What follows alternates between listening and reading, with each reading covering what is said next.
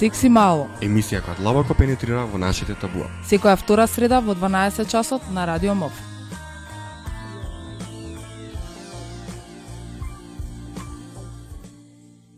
И еве не повторно со вас секси мало, маце и Јани само. Некако ни се фати у последниве емисии јас и Јане да бидеме, другите дечки ни се лево десно со своји обврски и еве, и оваа емисија повторно.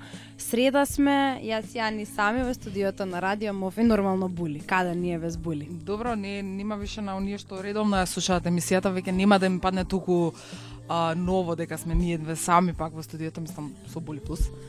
А, така да, ништо ново. Ништо ново. Ништо ново, апсолутно ништо ново. Се разбира поздрав до нашите останати секси малци, ни фалите и ве чекаме назад за Поздрав за до диаспората. И до диаспората, of course.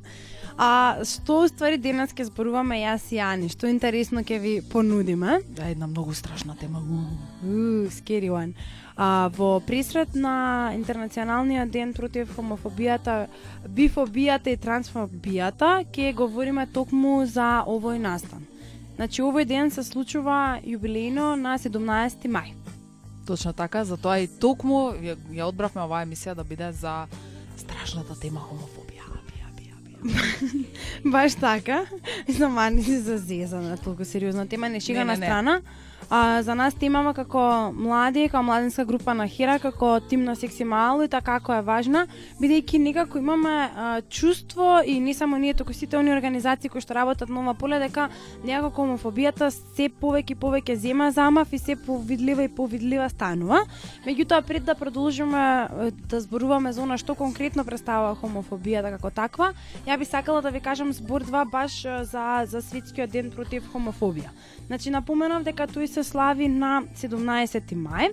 И зошто баш 17 мај? А, овој ден се зема како светскиот ден против хомофобија, баш заради тоа дека во 1990 година на овој ден Светската здравствена организација го ја тргнала фактички хомо, хомосексуалноста како болест од листата на интер, односно од интернационалната класификација на болест. Значи од 1990 година хомосексуалноста не се смета повеќе за болест, бидејќи нели во претходните емисии сме го разговарале тоа, претходно на лицата кои што се хомосексуалци се гледало како на лица кои што се болни од нешто, а тоа нели воопшто не е, не е точно.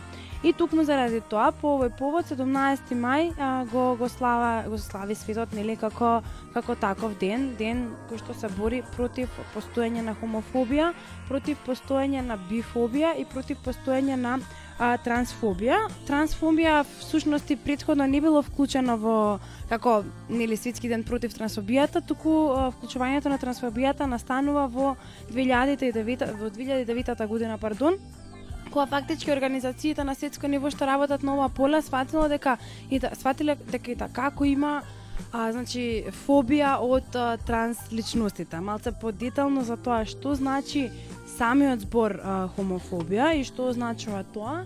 Мислам дека ќе ви каже Ани, бидејќи она стварно се потруди околу емисијава и истражи малку повеќе се околу хомофобијата кај нас и у светот. Благодарам за дадениот збор. да, пошто ја ако продолжам до крај на емисијава, сама ќе можам да се да се истерам. Среќа Веле не е тука, ани така да. Среќа сме само ние две, стварно. Среќа побрзо ќе завршиме. А, значи, кога станува збор за хомофобијата, хомофобијата опфаќа ранг од негативни ставови и чувства према хомосексуалноста или спроти луѓето кои се идентификуваат себе си како лесбеки, геи, квир, бисексуалци, транссексуалци, трансродни личности или интерсексуалци. Повели Значи, Марија. конкретно фала ти многу Ани. а, конкретно а, затоа и се вика светски ден против хомофобијата, значи нели против а, сите оние кои што некој значи имаат страф од а, хомосексуалците, меѓутоа и против бифобијата, односно нели кога станува збор за Точно така а, за бисексуалците или трансексуалците, затоа и викаме и Трансфобија, трансфобија дека така. постои. Извини, Ани, не се мешам. Таа може да, има најразлични начини како таа може да биде искажана нели во во јавноста, таа може да биде изразена како аверзија, антипатија, значи предрасуда, омраза, а дури може да се заснова и како ирационален страв. Значи, мислам дека ова сето сето ова сите овие поими на нас не се доста и многу јасно познати, бидејќи 100% сме биле некогаш дел од самиот самата вакво ваква ситуација. Два збора произлегуваат од хомофобијата и тоа хомофобично. Хомофобично значи однесување или размислување би додала и а, акту, не актување, реагирање. Реагирање. Реаги, актување. Актување. Добро.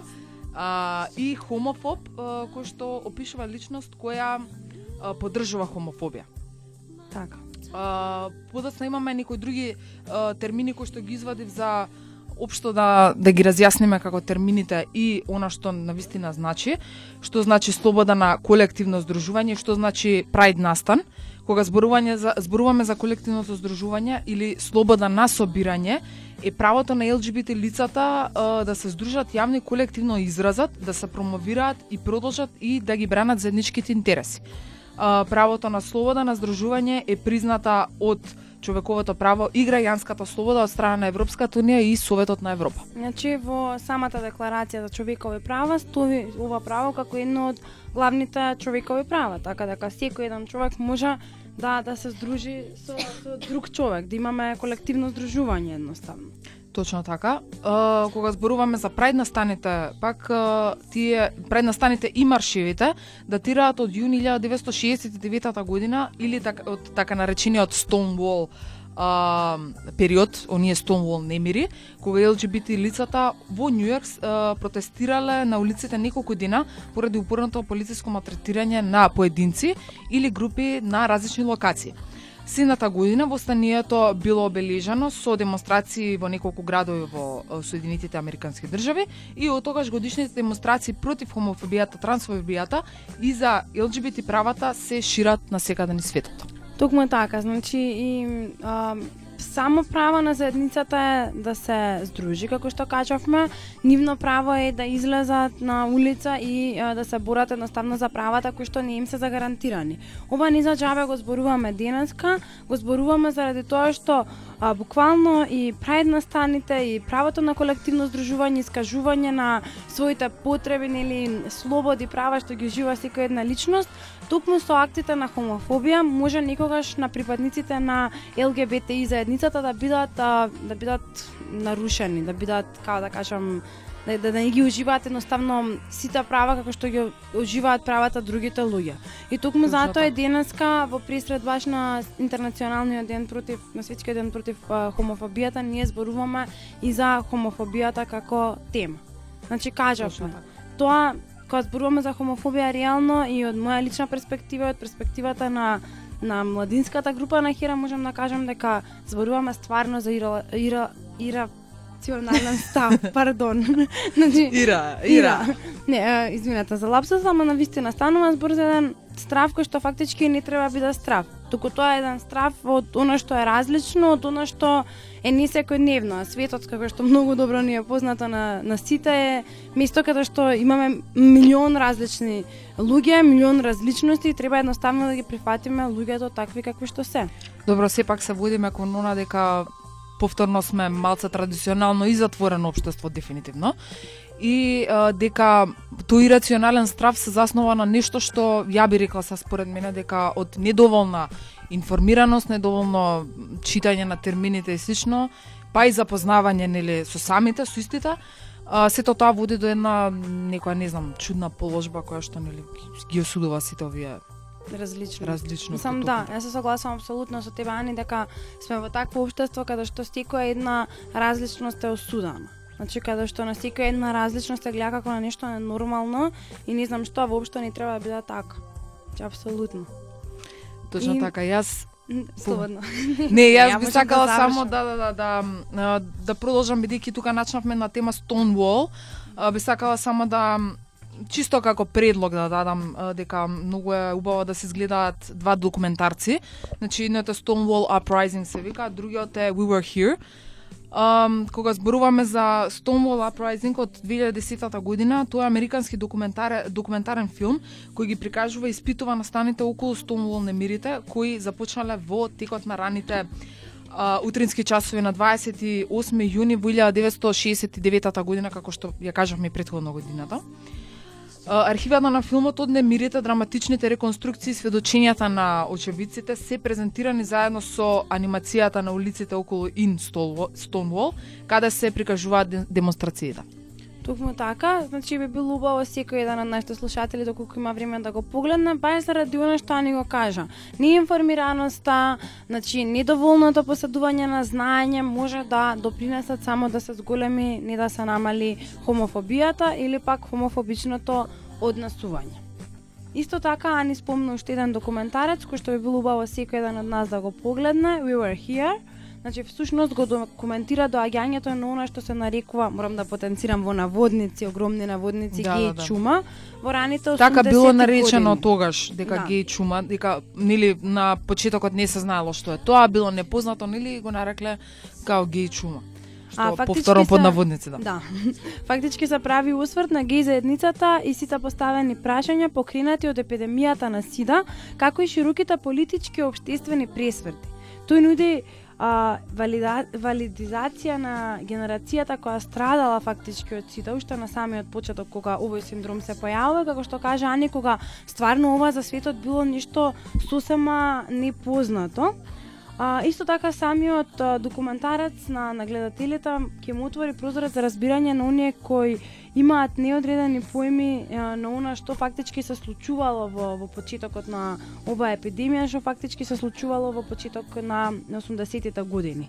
Значи документарецот обезбедува увид во она што општеството би можело и треба да им понуди на своите граѓани во однос на начинот на медицинска грижа, социјални услуги и се разбира она што е едно од најважното поддршка на самото самата заедница. Значи многу два интересни документарци се и така како врзани со со темите кои што денеска ги обработуваме, така да навистина ако имате шанса дзигнете ги. Точно така, ја мислам дека треба една мала пауза да направиме. Една кратка музичка пауза која што јас ја направив повторно, биле каде и да се ни светов поздрав. А, така да ќе се вратиме повторно пак напред. People are strange when you're a stranger. Faces look ugly when you're alone. Women seem wicked when you're unwanted. Streets are uneven when you're down. When you're strange, faces come out of the rain. When you're strange, no one remembers your name. When you're strange when you're strange, when you're strange. People are strange when you're a stranger. Faces look ugly when you're alone. Women seem wicked when you're unwanted. Streets are uneven when you're down.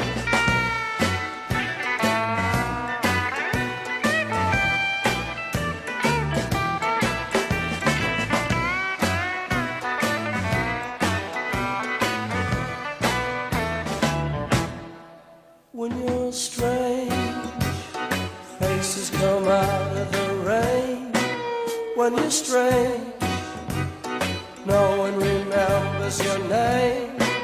When you're strange, when you're strange, when you're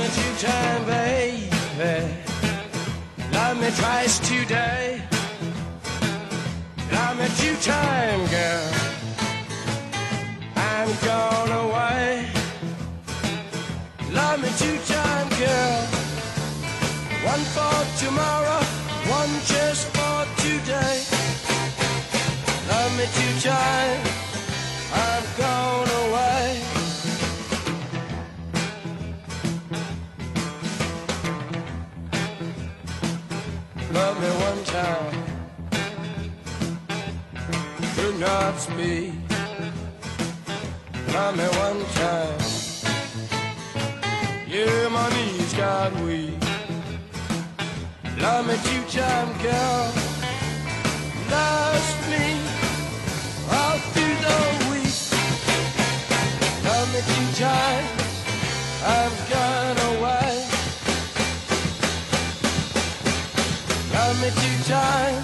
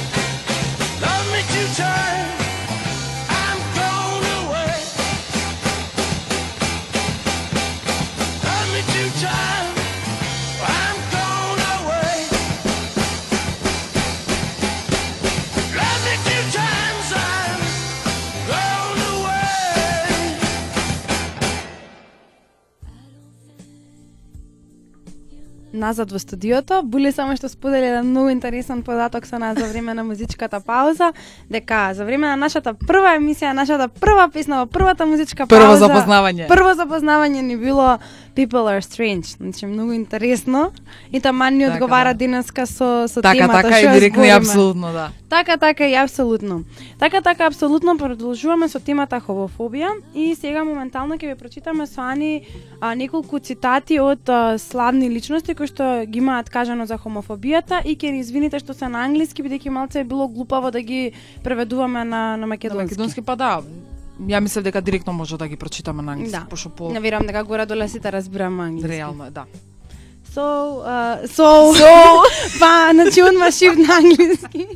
А, значи, првата реченица, односно цитата од Морган Фриман, I hate the word homophobia. It's not a phobia. You are not scared. You are, you are an asshole. супер, Марија. Ето Прекрасен така. ти англиски. Е, Извинете за мојот француски, значи овие вулгарни зборови што Да, ги да, да.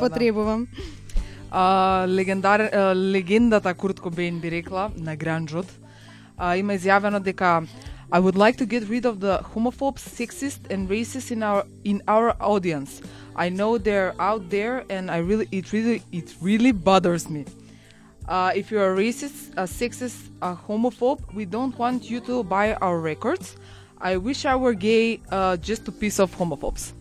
Многу мудро, мислам стварно длабоки зборови, иначе Ани да не останам покуса и твојот англиски е солиден и стварно убаво читаш на англиски. Благодарам. Следната, следниот цитат е од Джордж Майкл. I wondered what my sexuality might be, but I never wondered whether it was acce- acceptable or not. Anyway, who really cares whether I'm gay or straight?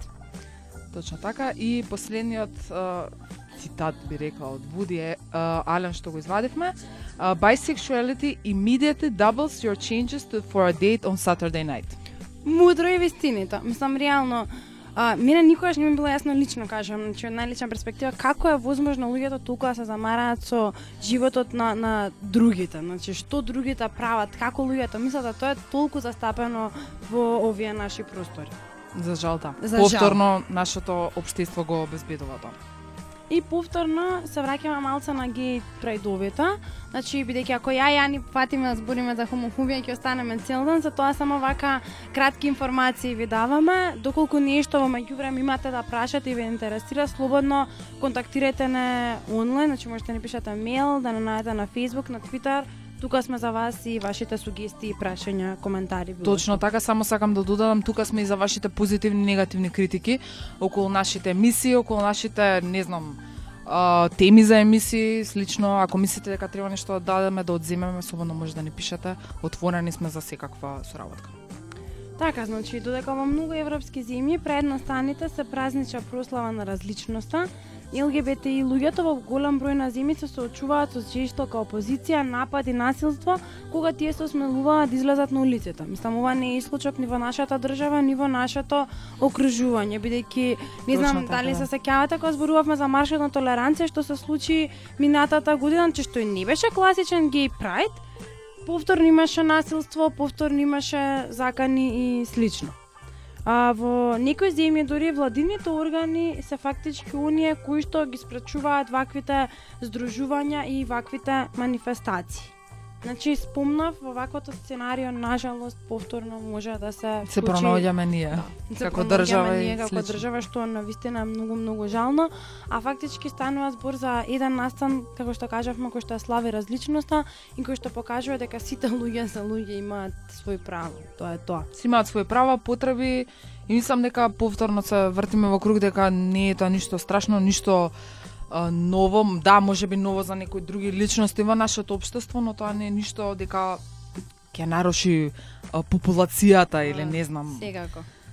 има и трето дете, не знам, А, све. и, и апсолутно се соочуваме секојдневно со хомофобија, апсолутно секојдневно се соочуваме со хомофобични изјави, само поентата е што огромен дел од популацијата, значи популација зборам кој што не е хомофобична и која што навистина нема ништо против ЛГБТ и лицата, а не ги препознава овие а, појави бидејќи хомофобијата е толку интегрирана во нашето ше- секојдневие што станува буквално условно кажано нормален дел од тоа. Да, повторно зборот нормално. Повторно зборот нормално, иако ја навистина не, го- не го сакам воопшто.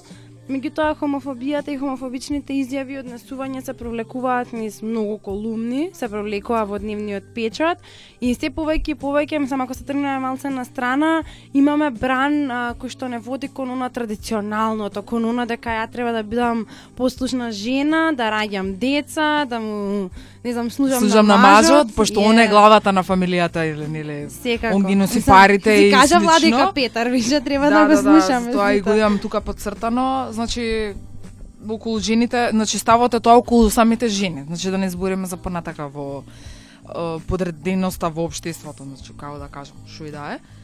Изјавата на владиката Петар, значи морам да кажам дека не враќа назад во времето као да, у среден век, кога не знам. Ја сме биле вештерки, бе, па Да, ти да. шутија, вештерка. Значи, Да, и кога требало да не спалуваат на на площад затоа што сме вештарки, да. Дуаце. А, значи да се надоврзам самото во општеството како што кажа во секојдневието, значи самите изјави, сликите во медиумите кои што се појавија во предходно не знам пред колку време, дали минатата година беше тоа, Па маца ми ми смешано. изминатиот период, мислам, Да, излега многу како и интересни, да е, да. експлицитни слики во одредени медиуми. Така, со самото тоа, со самите тие медиуми, самиот став и целиот политички врв и се околу заедно, може да видиме колку сме ние, значи, повторно затворено општество. Значи, Да. ништо не се менува, не се ни трудиме да се промениме, туку остануваме на она генералниот став дека тоа е тоа и нема друг Мислам, избор. Спомна општество, спомна Владика Петар, ги спомна медиумите, меѓутоа и самиот политички врв, самата политичка едила, а, елита, пардон, а, попут некои министери како што е министерот за труд и социјала, има такви убави изјави во однос на тоа што е право, што не е право, што било нормално, што не било нормално, така да сите тие сегменти влијаат на тоа да се повеќе и повеќе се истакнува и зголемува хомофобијата. Не стварно да стане еден Поддршка на хомофобијата. Дел, буквално така. поддршка на хомофобијата стане вообичаен дел од нашето секојдневие, само нака да, комплетно не ја почитуваме различноста и правото и слободата на на другиот. А, јас само сакав да додадам дека пред некое време а, Франција пр, а, прогласи признавање на а, истополовите бракови или а, геј браковите, така да можеме само да видиме во една мала Европа колку сме ние на една страна и колку се они на друга страна. Да, мислам, Значи далеко се одскокнува од да, да, далеко многу сме далеко сме. Зрелите демократи. Да, и ах, таа Скандинавија повторно. Ах, Никогаш, никогаш. Значи, на вистина злостурството од омраза се дела кои се мотивирани од омраза или со пристрасност против одредена група на луѓе. Значи, тука зборуваме повторно за хомофобијата и што таа значи. Значи, хомофобијата и омразата раѓаат и други видови на омраза. Значи, кога имаме едно хомофобично општество, едно нетолерантно општество, тоа општество значи дека ќе биде глуво и за разликата во однос на пол, како што кажавме и род исто така, значи разлика меѓу маж и Ако се прави воопшто разлика, да, да, да. Да, ако се прави разлика, ќе биде базирана на тоа да имаме разлика и истакнување на ненормалното кога станува збор за сексуална ориентација и така и за етничка припадност, религија, возраст, хендикеп, значи се она што е различно од условно кажано мејнстримот во општеството. Иако многу е глупаво да зборуваме за тоа што е мејнстрим, пошто дополнително Да, да, се да. отвараат а, други прашања. Значи, на вистина, на вистина ние сме строго против хомофобијата и хомофобичното однесување. А, насилството, сакав да се надоврзам само на дека насилството врз ЛГБТ луѓето станува видлива најмалку еднаш годишно. Значи во Најмалку. најмалку да Значи, во текот на најмалку. тие прајд и геј паради и слично. А, и за време на прајд сезоната сакав да кажам да и ко- кога луѓето се изложени на ризик да бидат буквално физички нападнати. Um, сепак насилството исто така дел од ден за ден живот, нели оној што life for life што, што се вика за многу ЛГБТ лица во Европа и во светот а, и бројот на пријави на за хомофобични, трансфобични напади се зголемува без оглед на глобалните правни контексти на земјата. Значи не само физичкото насилство како насилство и не само Психичката заканите, тортура. И психичкото насилство е присутно. А, присутна е и хомофобијата која што постојано повикува на насилство на, на социјалните мрежи на интернет, на пример. Мислам, сведоци сме како се повеќе расте хомофобијата и анти-ЛГБТИ, можам да кажам, движењето на интернет. Мислам, тоа се повеќе и повеќе зазема фрапантни бројки, на вистина е, сам страшна таа ситуација. Значи, буквално во секоја една пора навлегува веќе хомофобичното однесување според мене. Така, мислам дека според тие а, изјави нели поддршки на анти ЛГБТ а, заедницата се зголемуваат доста а, се нанесуваат доста големи психолошки штети на жртвите и било кој друг тип на а, психолошки последици а, нели произ... како се вика Што произведува... надоврзани, не надоврзани со Надоврзани. емоционални реакции помеѓу нели преживеаните, помеѓу жртвите. И овие чувства вклучу- вклучуваат исто така депресија, анксиозност, страв, стрес, лутина, исто така можам да кажам дека голем број на самоубиствата се исто така дел од ЛГБТ луѓето нели дел од нивните Да, последици кои што да, ги добиваат се- заради разно разни тортури. поврзани независно, самите со овие, да, со овие акти. кое ниво станува збор. Мислам, уште еднаш можам, морам да напоменам дека на вистина е страшна ситуацијата бидејќи не само хомофобијата што е присутна а, во онлайн просторот, не само што е присутна во одредени медиуми, туку што стварно многу влијателни јавни личности постојано пласираат некои хомофобични изјави, хомофобично однесување, кое што понатаму пак влијае на, на широката маса, пред се на младите луѓе кои што се уште немаат изградено некој свој став, некој свое мислење, кои што се уште не се доволно информирани за што всушност станува збор и баш заради тоа што, како што кажа веќе Ани на почетокот, немаме доволно информација, од друга страна имаме притисок постојано да треба да размислуваме на еден или на друг начин, се гради едно хомофобично општество. Токму ние и ради поради овие а, случувања ги извадивме изјавите на неколку познати личности чисто да видите дека е ништо страшно и дека има на вистина славни личности живи или мртви. Небитно дека го поддржале тоа чисто не се сме значи Курт Кобейн е умрен Да, да, да. а, чисто дека ја се против таа хомофобија дека хомосексуалноста гледаат како нешто вообичаено Значи што и фактички е нешто Да. што е вообичаено, право на избор, право на да сакаш да бидеш сакан, да имаш сексуални односи така натаму и така натаму и сега за да не продолжиме да не ви збориме Да не се отвара сати, да, да, да, не се да. отвара дополнителна тема ќе одиме со една музичка пауза, а понатаму одиме во третиот дел каде што фактички имаме спремно интервју за вас.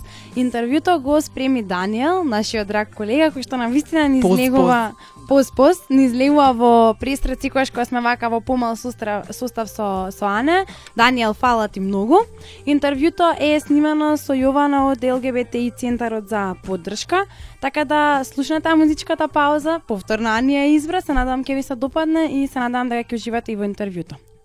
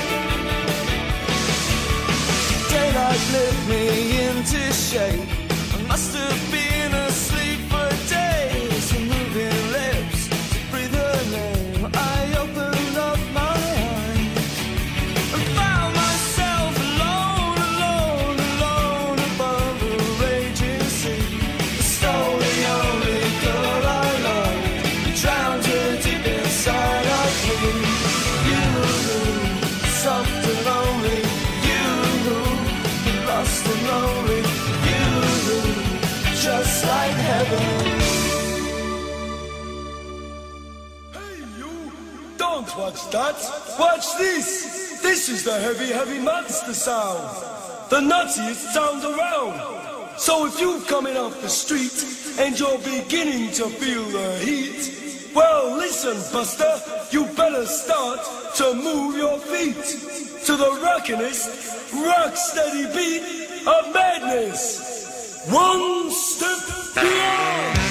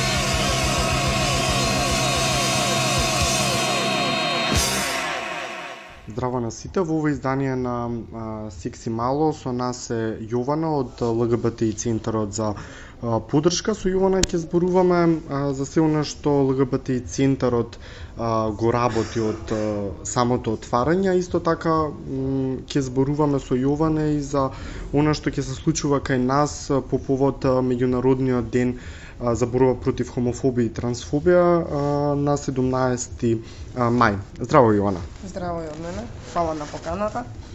Така, ние секогаш сме тука да ги споделиме новите информации за сето она што што го работиме на почетокот затоа што веќе неколку месеци а, функционира ЛГБТ центарот за а, за поддршка. Предпоставам дека сите знаете, а, тој е во во стара во старата чаршија и она што можеби би ги интересирало нашите слушатели е што всушност може да се добие или кои активности ги ги правите вие тука целиот тим во во центарот се разбира, ако што можат да ги искористат луѓето кои што се заинтересирани.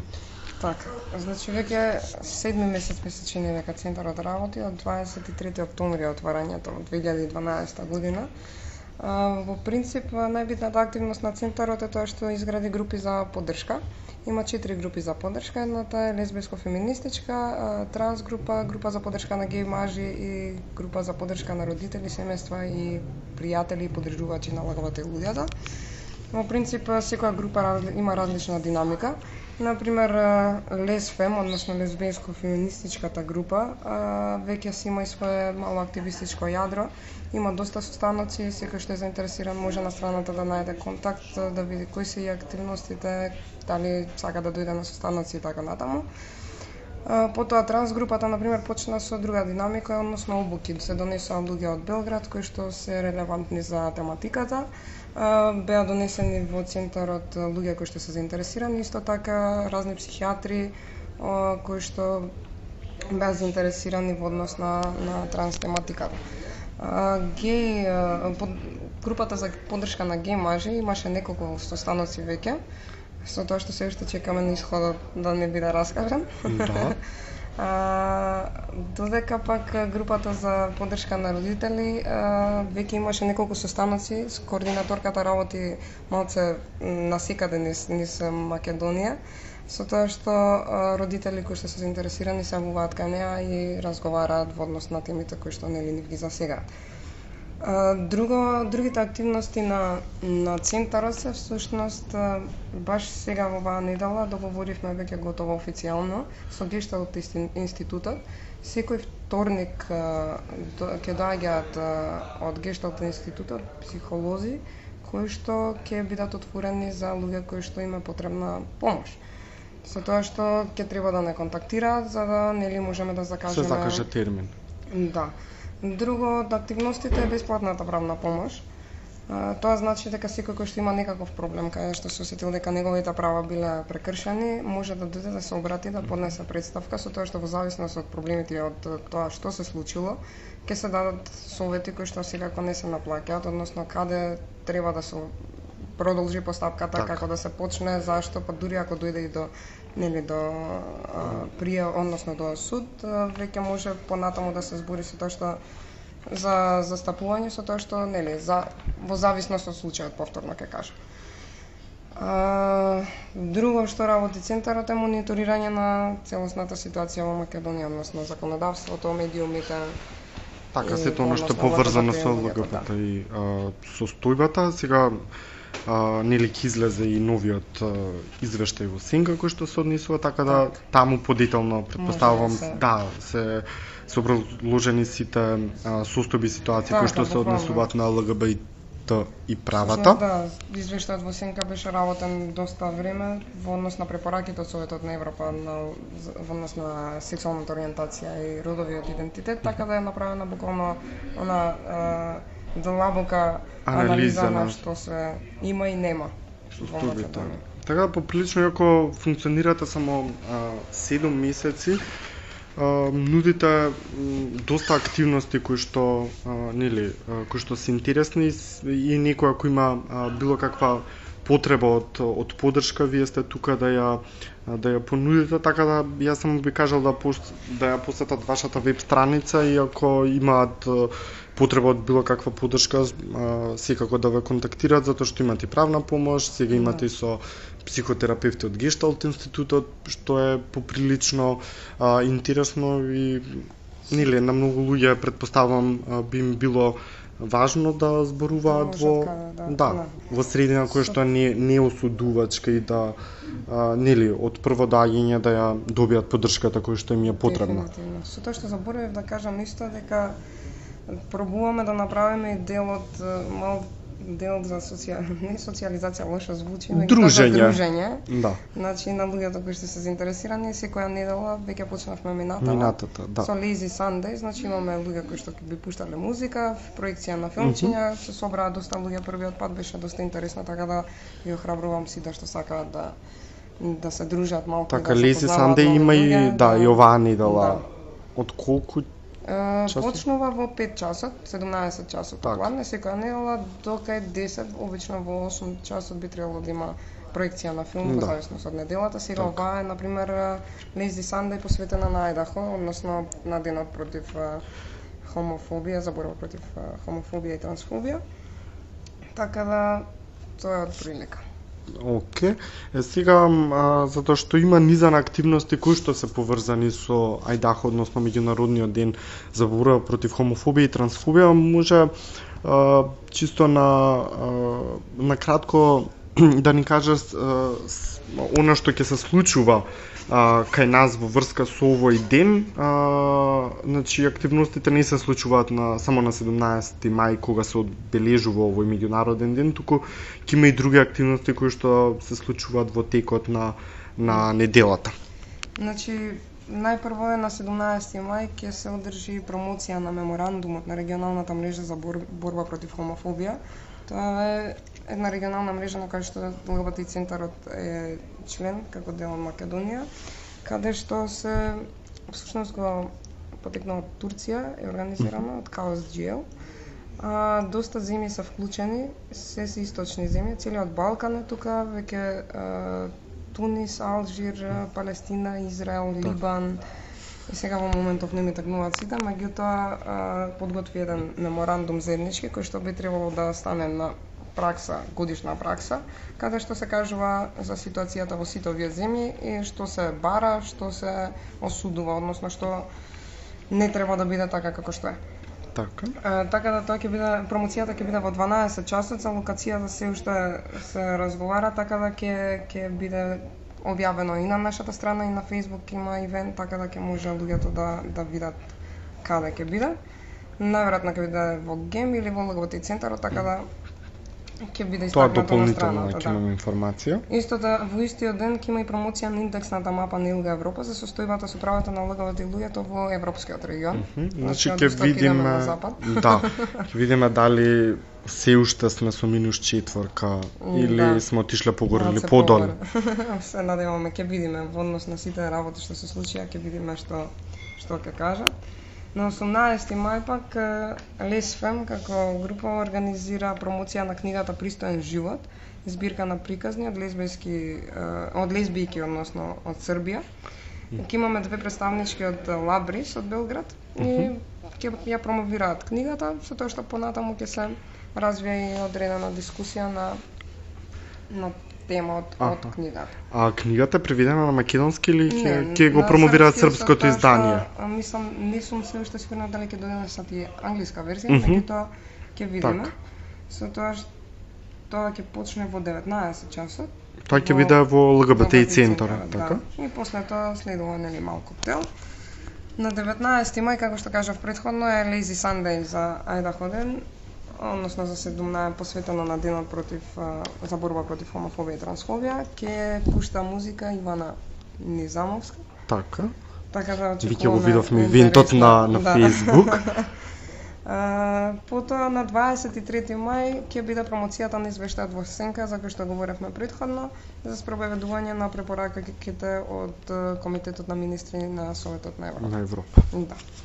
Така да прилика тоа е тоа што ќе се случува во оваа седмица околу а, 17 мај.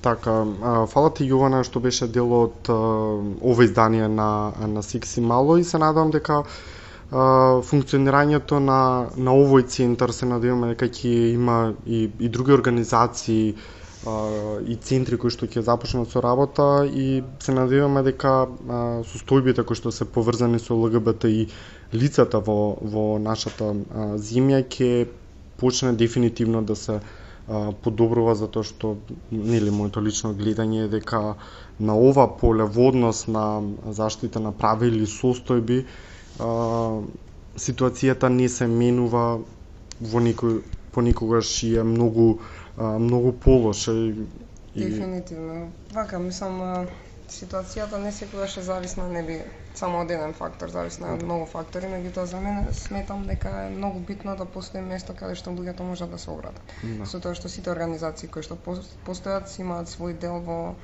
во своја улога во тоа. Да.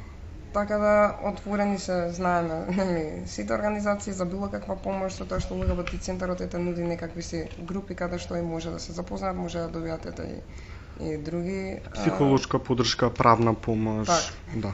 Што значи дека мора да се почне од некаде, па сега ќе видиме што Да. понатаму ќе се Сите заедно ги Да. менуваме работите. И тоа е најбитно. Така, фала многу Јована, а, па се гледаме на 17 а се разбира во недела ќе дојдеме да се журкаме во центарот. Поканети се сите. Океј, фала многу. Фала и од нас на Даниел и на Јована. Стварно интервјуто од беше мене. супер. Од нас. Од нас, а, колку си севична. Се шегувам. А, значи, зошто уште еднаш светски ден против хомофобија, бидејќи секој еден човек има еднакви права и секој човек има право на избор. Да биде со кого сака, да љуби кого сака. Ете така од мене толку. А, така, јас само една мала завршница ќе направам. А, слушате не уште еднаш, да, слушате не уште еднаш за две а, недели, значи за две среди, во 12 и 15 часот на Радио МОВ. А, сите, повторно уште еднаш, сите критики, позитивни и негативни може негативни може да не ги пишате на нашите социјални мрежи, значи секаде сме активни на Твитер, на Facebook. А, она што ви смета, она што мислите дека треба да го додадеме, може да си направиме еден а, муабет исто така. А, нашите мејлови исто така се а, се отворени за критиките, поплаки, не знам што уште не. Изгубено најдено. Да, изгубено најдено. И а, исто така да не ги за- забораваме нашите младенски центри кои што ни се наоѓа на а, водно, а, сакам да знам и сакам да знам во Шуто Ризари. А, отворени се за секој еден кој што има некаква потреба, отворени се за сите чисто за онака за муабет, за орална контрацепција, за гинеколог, за дерматовенеролог, за психолог, психијатар, педагог. имаме И све. Рентген имаме се. Се, Се се, зезам, немаме. Нема сериозната Да, свадба. да, луѓето немаме рентген, на значи се зезам. А, али за се, за се сме а, значи отворени за чисто онака кој што ко- ако некој може би сака да слуша некаква едукација, може слободно да дојде да и слуша. Обично држиме едукации, правиме едукации со а, средношколци или зависи кој како ќе дојде и да не го заборавам новото советувалиште за превенција од употреба на други секој понеделник и петок и да не заборавам во Шуто Оризари младинскиот центар кој што од оваа година понајново има правна помош. Ето така. Бесплатна правна помош и извини Мацо уште ова стварно Не, да не готово. заборавиш на крај. Да не заборавам, да, да не заборавам дека исто така вршиме и хив тестирања, а, кои што се бесплатни, доброволни, анонимни, а, да. Да. И, И доста. да, и доста чао од мене мене. Се слушаме за две среди. Чао, дечки. Thank you.